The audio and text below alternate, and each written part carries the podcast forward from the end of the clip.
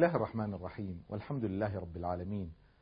والصلاة والسلام على سيدنا محمد النبي الكريم وعلى آله وصحبه أجمعين. أهلا بكم ومرحبا مع صناعة النجاح. هذه الحلقات تشرح معادلة واحدة. النجاح يساوي أن تنجح مع نفسك أن تنجح في علاقاتك أن تنجح في إنجازاتك وأن تنجح مع ربك سبحانه وتعالى. هذا هو الذي نتحدث عنه. وقد تحدثنا عن تفاصيل الجزء الأول كيف تنجح مع نفسك كيف تدير نفسك كيف تتحكم في قراراتك كيف تتحكم في سلوكك كيف تعرف أنك المسؤول عما يحدث لك. هذه معاني مهمة جدا تكلمنا عنها بتفصيل. ثم بدأنا نشرح وما زلنا مفهوم العلاقات كيف تبنى. كيف تبنى هذه العلاقات؟ وشرحنا في قضية العلاقات أن العلاقات لابد أن تبنى على حب. حب للخير للناس حب علاقة حب بين الابن وأمه وأبيه بين الأزواج بين الأب وأبنائه والأم وأبنائها. هذا الحب بين الأصحاب الحب هذا الحب الذي لا يشترط فيه نتائج. أعطوني أحبكم ما تعطوني ما أحبكم. ما, ما نعمل بهذه الطريقة. وإنما أحب لأني أحب لأنك أنت. هذا هو سبب الحب. مرة أسأل واحد أقول له يقول له أنا أحب فلان. قلت له ليش؟ قال والله ما أدري. قلت له صح. يعني في اللحظة الذي تفسر فيه الحب أنا أحبه لأنه كذا وكذا وكذا. صار ما هو حب صار إعجاب. أما الحب ما يكون له سبب كذا وكذا. لأن لو راحت الأسباب هذه أو خلت راح الحب. الحب عاطفة الحب مشاعر. فإذا تكلمنا عن الحب وكيف أن الحب يكون بلا شروط. وأننا نركز على الحب نفسه وليس على نتائج الحب حتى نبني العلاقات. وتكلمنا أيضا عن التحفيز تشجيع الناس ليتحركوا ليندفعوا ليعطوا لينتجوا. التحفيز وقلنا أن أعظم التحفيز هو الذي ينبع من داخل الإنسان من قناعة الإنسان وليس من خارج الإنسان. هذا هو هذا هو من أعظم درجات الحب. ثم انطلق بنا الحديث إلى الفهم الفهم. أن نحاول نفهم بعض نفهم. قبل أن أحاول أن أعبر عن وجهة نظري أحاول أن أفهم ماذا يقصد الذي أمامي حتى المخالف اللي أمامي ماذا يقصد. هذا جزء من عملية ومعادلة النجاح. فأنا أحاول أن أفعل هذا بهدوء وبعمق وبدون تردد. طيب الخطوة التي تساعدني على الفهم هي السماع. السماع. أني أحاول أن أسمع. السماع فن وعلم الآن يدرس في على فكرة في الجامعات. السماع أستمع للنصيحة أستمع للشكوى التي يشتكى بها علي أستمع ل... لمن عنده رأي مخالف. وحتى عندما يتشنج اللي أمامي أحاول ماذا يقصد؟ ما وراءه؟ أحاول أن أسمع أسمع. شوفوا أنا تعلمت فن الاستماع للأسف ما تعلمته في العالم العربي تعلمته في الغرب. أه، يجب أن نعترف. نحن أمة عظيمة جدا نعم ونحن علمناهم كثير من الأمور لكن للأسف هم سبقونا نحن تخلفنا الآن. والنبي صلى الله عليه وسلم يعني مدح الروم كما في الحديث أنهم من صفاتهم الجميلة أنهم أسرع الناس إفاقة بعد مصيبة. لما تصيبهم مصيبة يصحون ما ما يتحركون تحرك عاطفي يتحركون تحرك عقلي. وأسرع الناس كرة بعد فرة. بعد ما ينهزم أسرع الناس هجوما. هذا في هذا في الحديث الصحيح. ومن صفاتهم الجميلة أنهم أبعد الناس عن ظلم ملوكهم. هكذا في الحديث. ما يقبلون بديكتاتورية بينهم. ليس على الشعوب الأخرى لكن على الأقل بينهم عدل. ويجبرون حكامهم على العدل ويمنعون الدكتاتورية هذه بعض صفاتهم. فإذا الاعتراف بصفات الجميلة للأعداء هذا جزء من المنهج الإسلامي الأصيل. وكذلك من الأشياء المهمة هو أننا تعلمنا منهم فن الاستماع. للأسف هم يسمعون الآن هذه الأيام طريقتهم في الحوار والاستماع أحسن منا للأسف مع أن هذا منهج إسلامي أصيل. المفروض إحنا نعلمهم والمنهج ما زال أصيل وعندنا من الكنوز التي يجب أن نستخرجها. لكن إلى أن نستخرجها ونعرضها بطريقة علمية دعونا نستفيد من بعض الأشياء التي تعلمناها منهم. أذكر كنا في محاضرة في باللغة العربية في أمريكا. وأثناء المحاضرة كان المحاضرة عربي والمحاضر والحضور عرب. دخل واحد أمريكي بدأ يراقب الوضع ثم ذهب إلى أحد الزملاء. قال له أنا ماني فاهم شيء بس عندي ملاحظة. قال له خير. قال له ليش أنتم أثناء المحاضرة كل الناس قاعد أشوفهم يا يعملوا يهزوا رأسهم بالموافقة يا يهزوا رأسهم بالرفض. يعني ما أشوف حد حط إيده على خده كذا وقاعد يفكر في كلام هذا المحاضر قبل أن يوافق أو يرفض. يعني موافقة فورية ورفض فوري. يا رجل اسمع تأمل. شوف الكلام كيف قاعد يبنى بعض على بعض. أذكر لما رجعت للعالم العربي أيضا حدث لي قصة طريفة. أن كنت في لقاء مع أحد المسؤولين فقال لي دكتور بخبرتك الإدارية وخبرتك كذا عندك اقتراحات كيف نحسن عملنا في المجال الفلاني قلت له والله أنا صراحة تأملت عملكم وعندي فعلا اقتراحين. قلت تفضل. فبديت أطرح الاقتراح الأول والله يا جماعة ما كملت الاقتراح إلا بدأ صاحبنا يقاطع. خليته يقاطع بديت أراقب الساعة. تكلم 45 دقيقة كل هذا مقاطعة. فلما انتهى من كلامه تفضل دكتور. قلت له خلصت؟ قال لي إيه؟ قلت له أنا ما كملت اقتراحي. وأنت قاطعتني. اوه آسف آسف دكتور لا معذرة تفضل تفضل. فبديت اقتراحي. الأول كملته. بديت باقتراحي الثاني قبل ما أكمل كلامك مقطوع بخير دكتور بدأ يتكلم اطالع الساعة نص ساعه نص ساعة وهو يتكلم مقاطع لي. الناس تحتاج أن حتى المسؤولين حتى المدراء حتى الآباء والأمهات لازم نتعلم كيف نسمع. لا يمكن أن تبنى علاقات الناس ما يفهموا بعض ولا يسمعوا لبعض. كيف نسمع؟ هذا حديثي معكم بعد الفاصل إن شاء الله.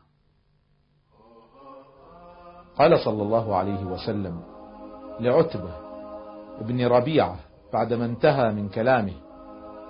أفرغت يا أبا الوليد؟ فاسمع مني. خلونا ندخل شوية في تفاصيل فن الاستماع.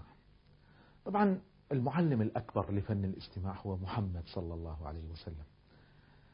في قصة في السيرة لما استمعت قريش منزعجين من هذا الذي سفه الآلهة وسب الأصنام وسفه أحلام الآباء والأجداد. فاجتمعوا. قال أدانا محمد. يعني خلونا نرسل له واحد يتفاهم معه.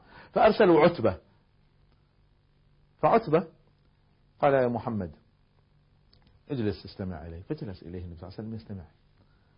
قال يا محمد جئتنا يعني كلمتنا واحدة ونحن أقوى العرب وأعز العرب ففرقت كلمتنا فرقت الرجل عن زوجته والأب عن ابنه وسفهت الأحلام وسببت الآلهة بدأ ماذا تريد يا محمد؟ إن كنت تريد مالا جمعنا لك من أموالنا حتى تكون أغنانا. إن كنت تريد ملكا ملكناك علينا. إن كنت تريد نساء زوجناك أجمل نسائنا. بدأ إن, كن إن كان فيك مرض طببناك بأعظم الطب عندنا. النبي صلى الله عليه وسلم ما قاطع ما في داعي تكمل أنا فاهم قصدك. كلامك مقطوع بخير. لا لا أنا ما هذا قصدي في شيء أعظم من هذا كله. ما قاطعه صلى الله عليه وسلم. تركه يتكلم ويتكلم إلى أن انتهى. وسكت عتبة. هنا النبي صلى الله عليه وسلم. شوفوا الأدب الأدب. حتى مع المخالفين حتى مع الكفار. لما انتهى سكت. قال يا أبا الوليد أفرغت؟ خلصت؟ انتهيت؟ قال نعم. قال فاسمع مني. مثل ما سمعت لك اسمع لي فألقى عتبة يداه خلف ظهره واتكى عليهما وبدأ النبي صلى الله عليه وسلم يتلو عليه قصة أو سورة فصلت. قصة طويلة. بس اللي يعنيني منها آه فرغت خلاص انتهيت كل اللي عندك قلته. ما في كلامك مقطوع بخير ولا لا مؤاخذة واسمح لي. ما في خلوه يتكلم خليه يقول اللي عنده كله.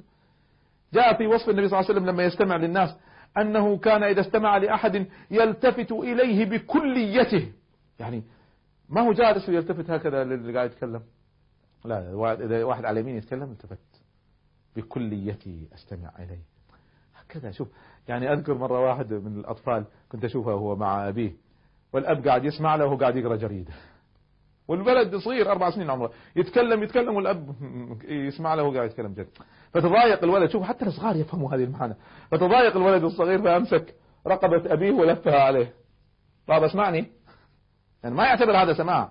إذا ما تنظر إلى اللي أمامك تلتفت إليه بكليتك هذا ليس بسماع.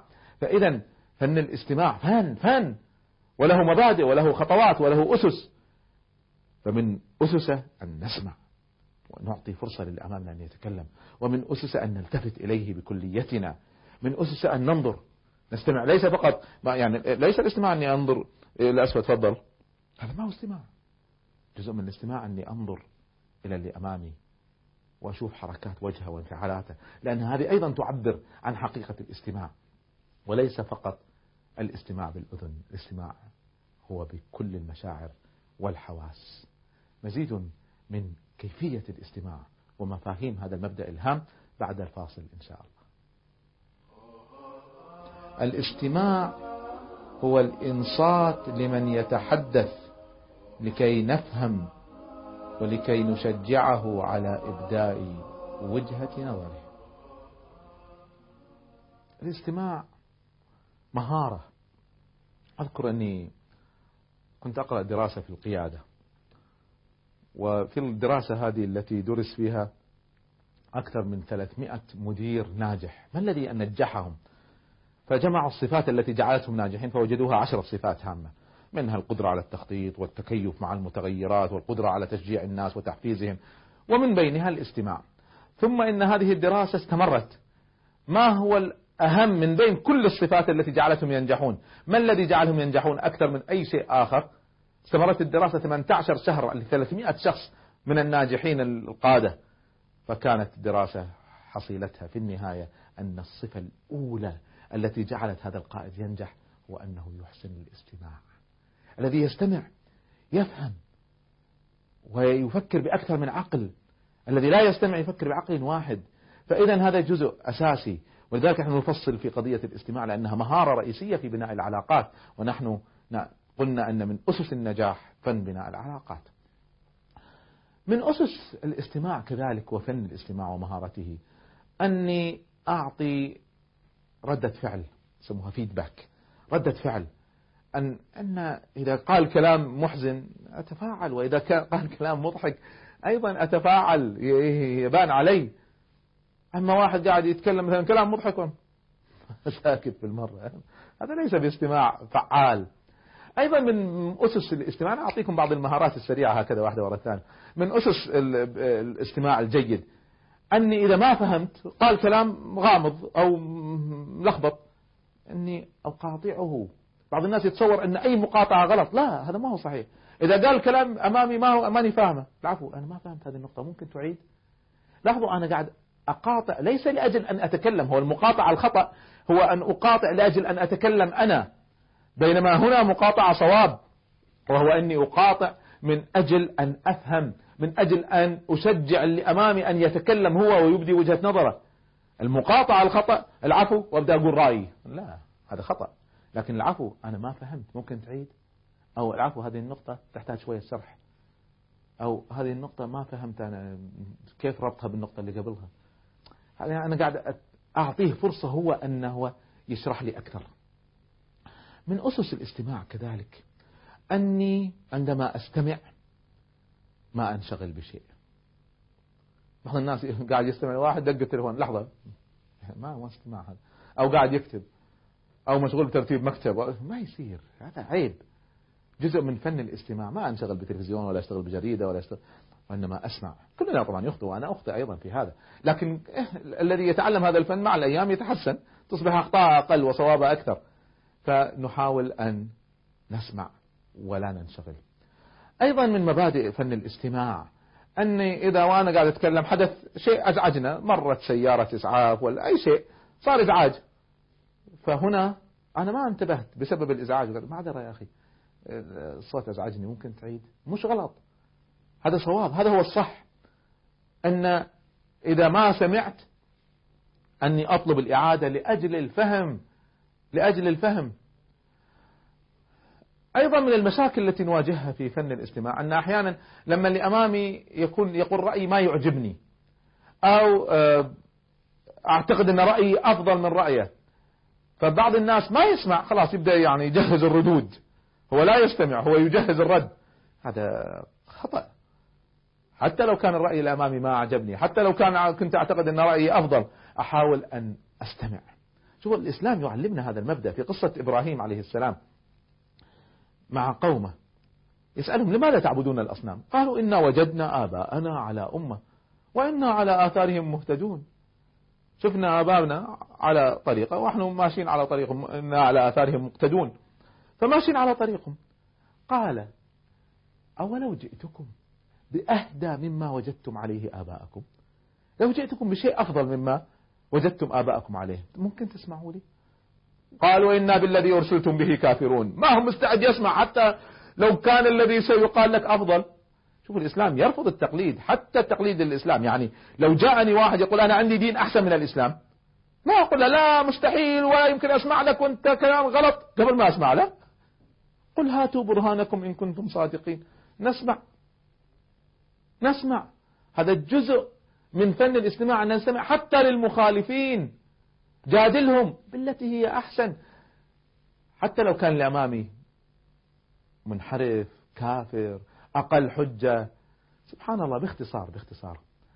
السماع الجيد يحتاج إلى صبر ويحتاج إلى تفتح عقل. الاستماع الفعال يحتاج إلى صبر فلا مقاطعة. وانفتاح عقل فلا حكم مسبق وشجاعة فلا رفض للحق ولو كان ضدك.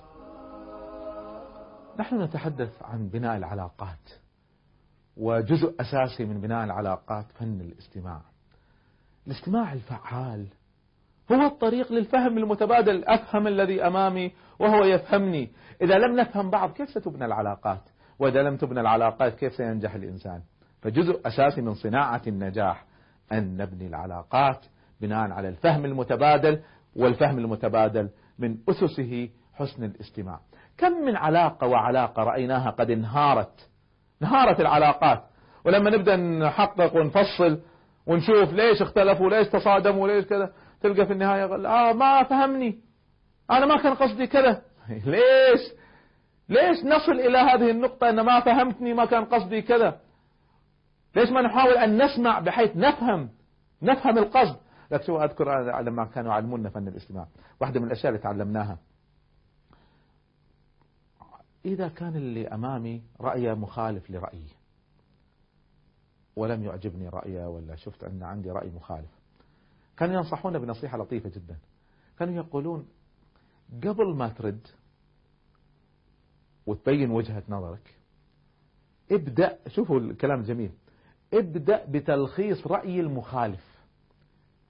قبل ما أبدأ أنا أنا ردي كذا ودليلي كذا وبرهاني كذا والنقطة الأولى ردها كذا والثانية ردها بدل ما أبدأ أشتغل بالطريقة هذه أول شيء أسويه يا أخي الكريم أنت قصدك من كلامك إذا فهمتك صح كذا وكذا وكذا وكذا وكذا صح؟ قبل ما أتكلم. ألخص ما قال المخالف.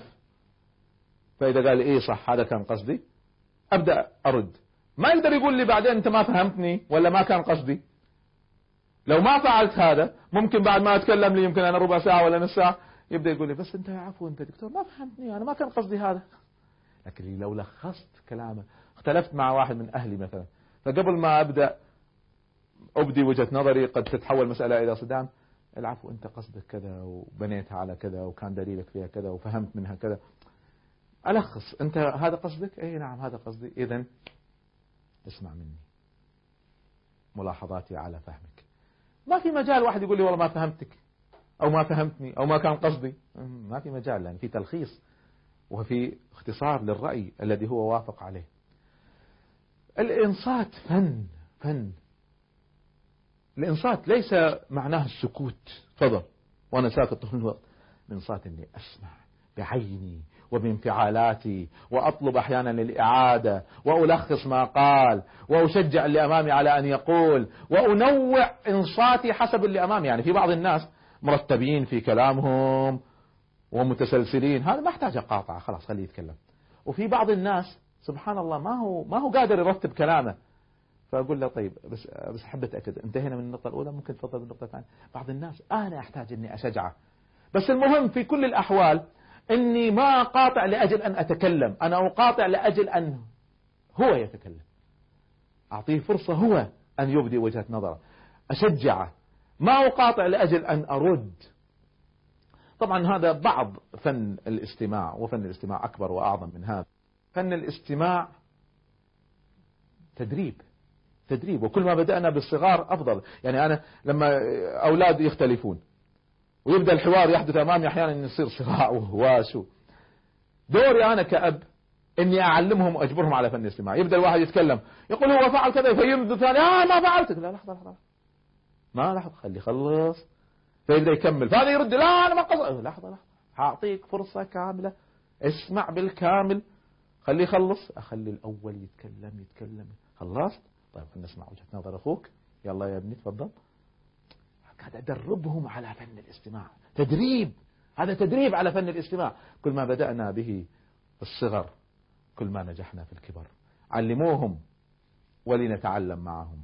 فن الاستماع لأجل أن نفهم لأجل أن نبني العلاقات لأجل أن ننجح في الحياة. جزء من صناعة النجاح فن الاستماع. مزيد من معاني بناء العلاقات التي تعيننا على النجاح في الحياة في لقائنا القادم إن شاء الله. لكم مني التحية. شكر الله لكم. حسن الاستماع. والسلام عليكم ورحمة الله وبركاته.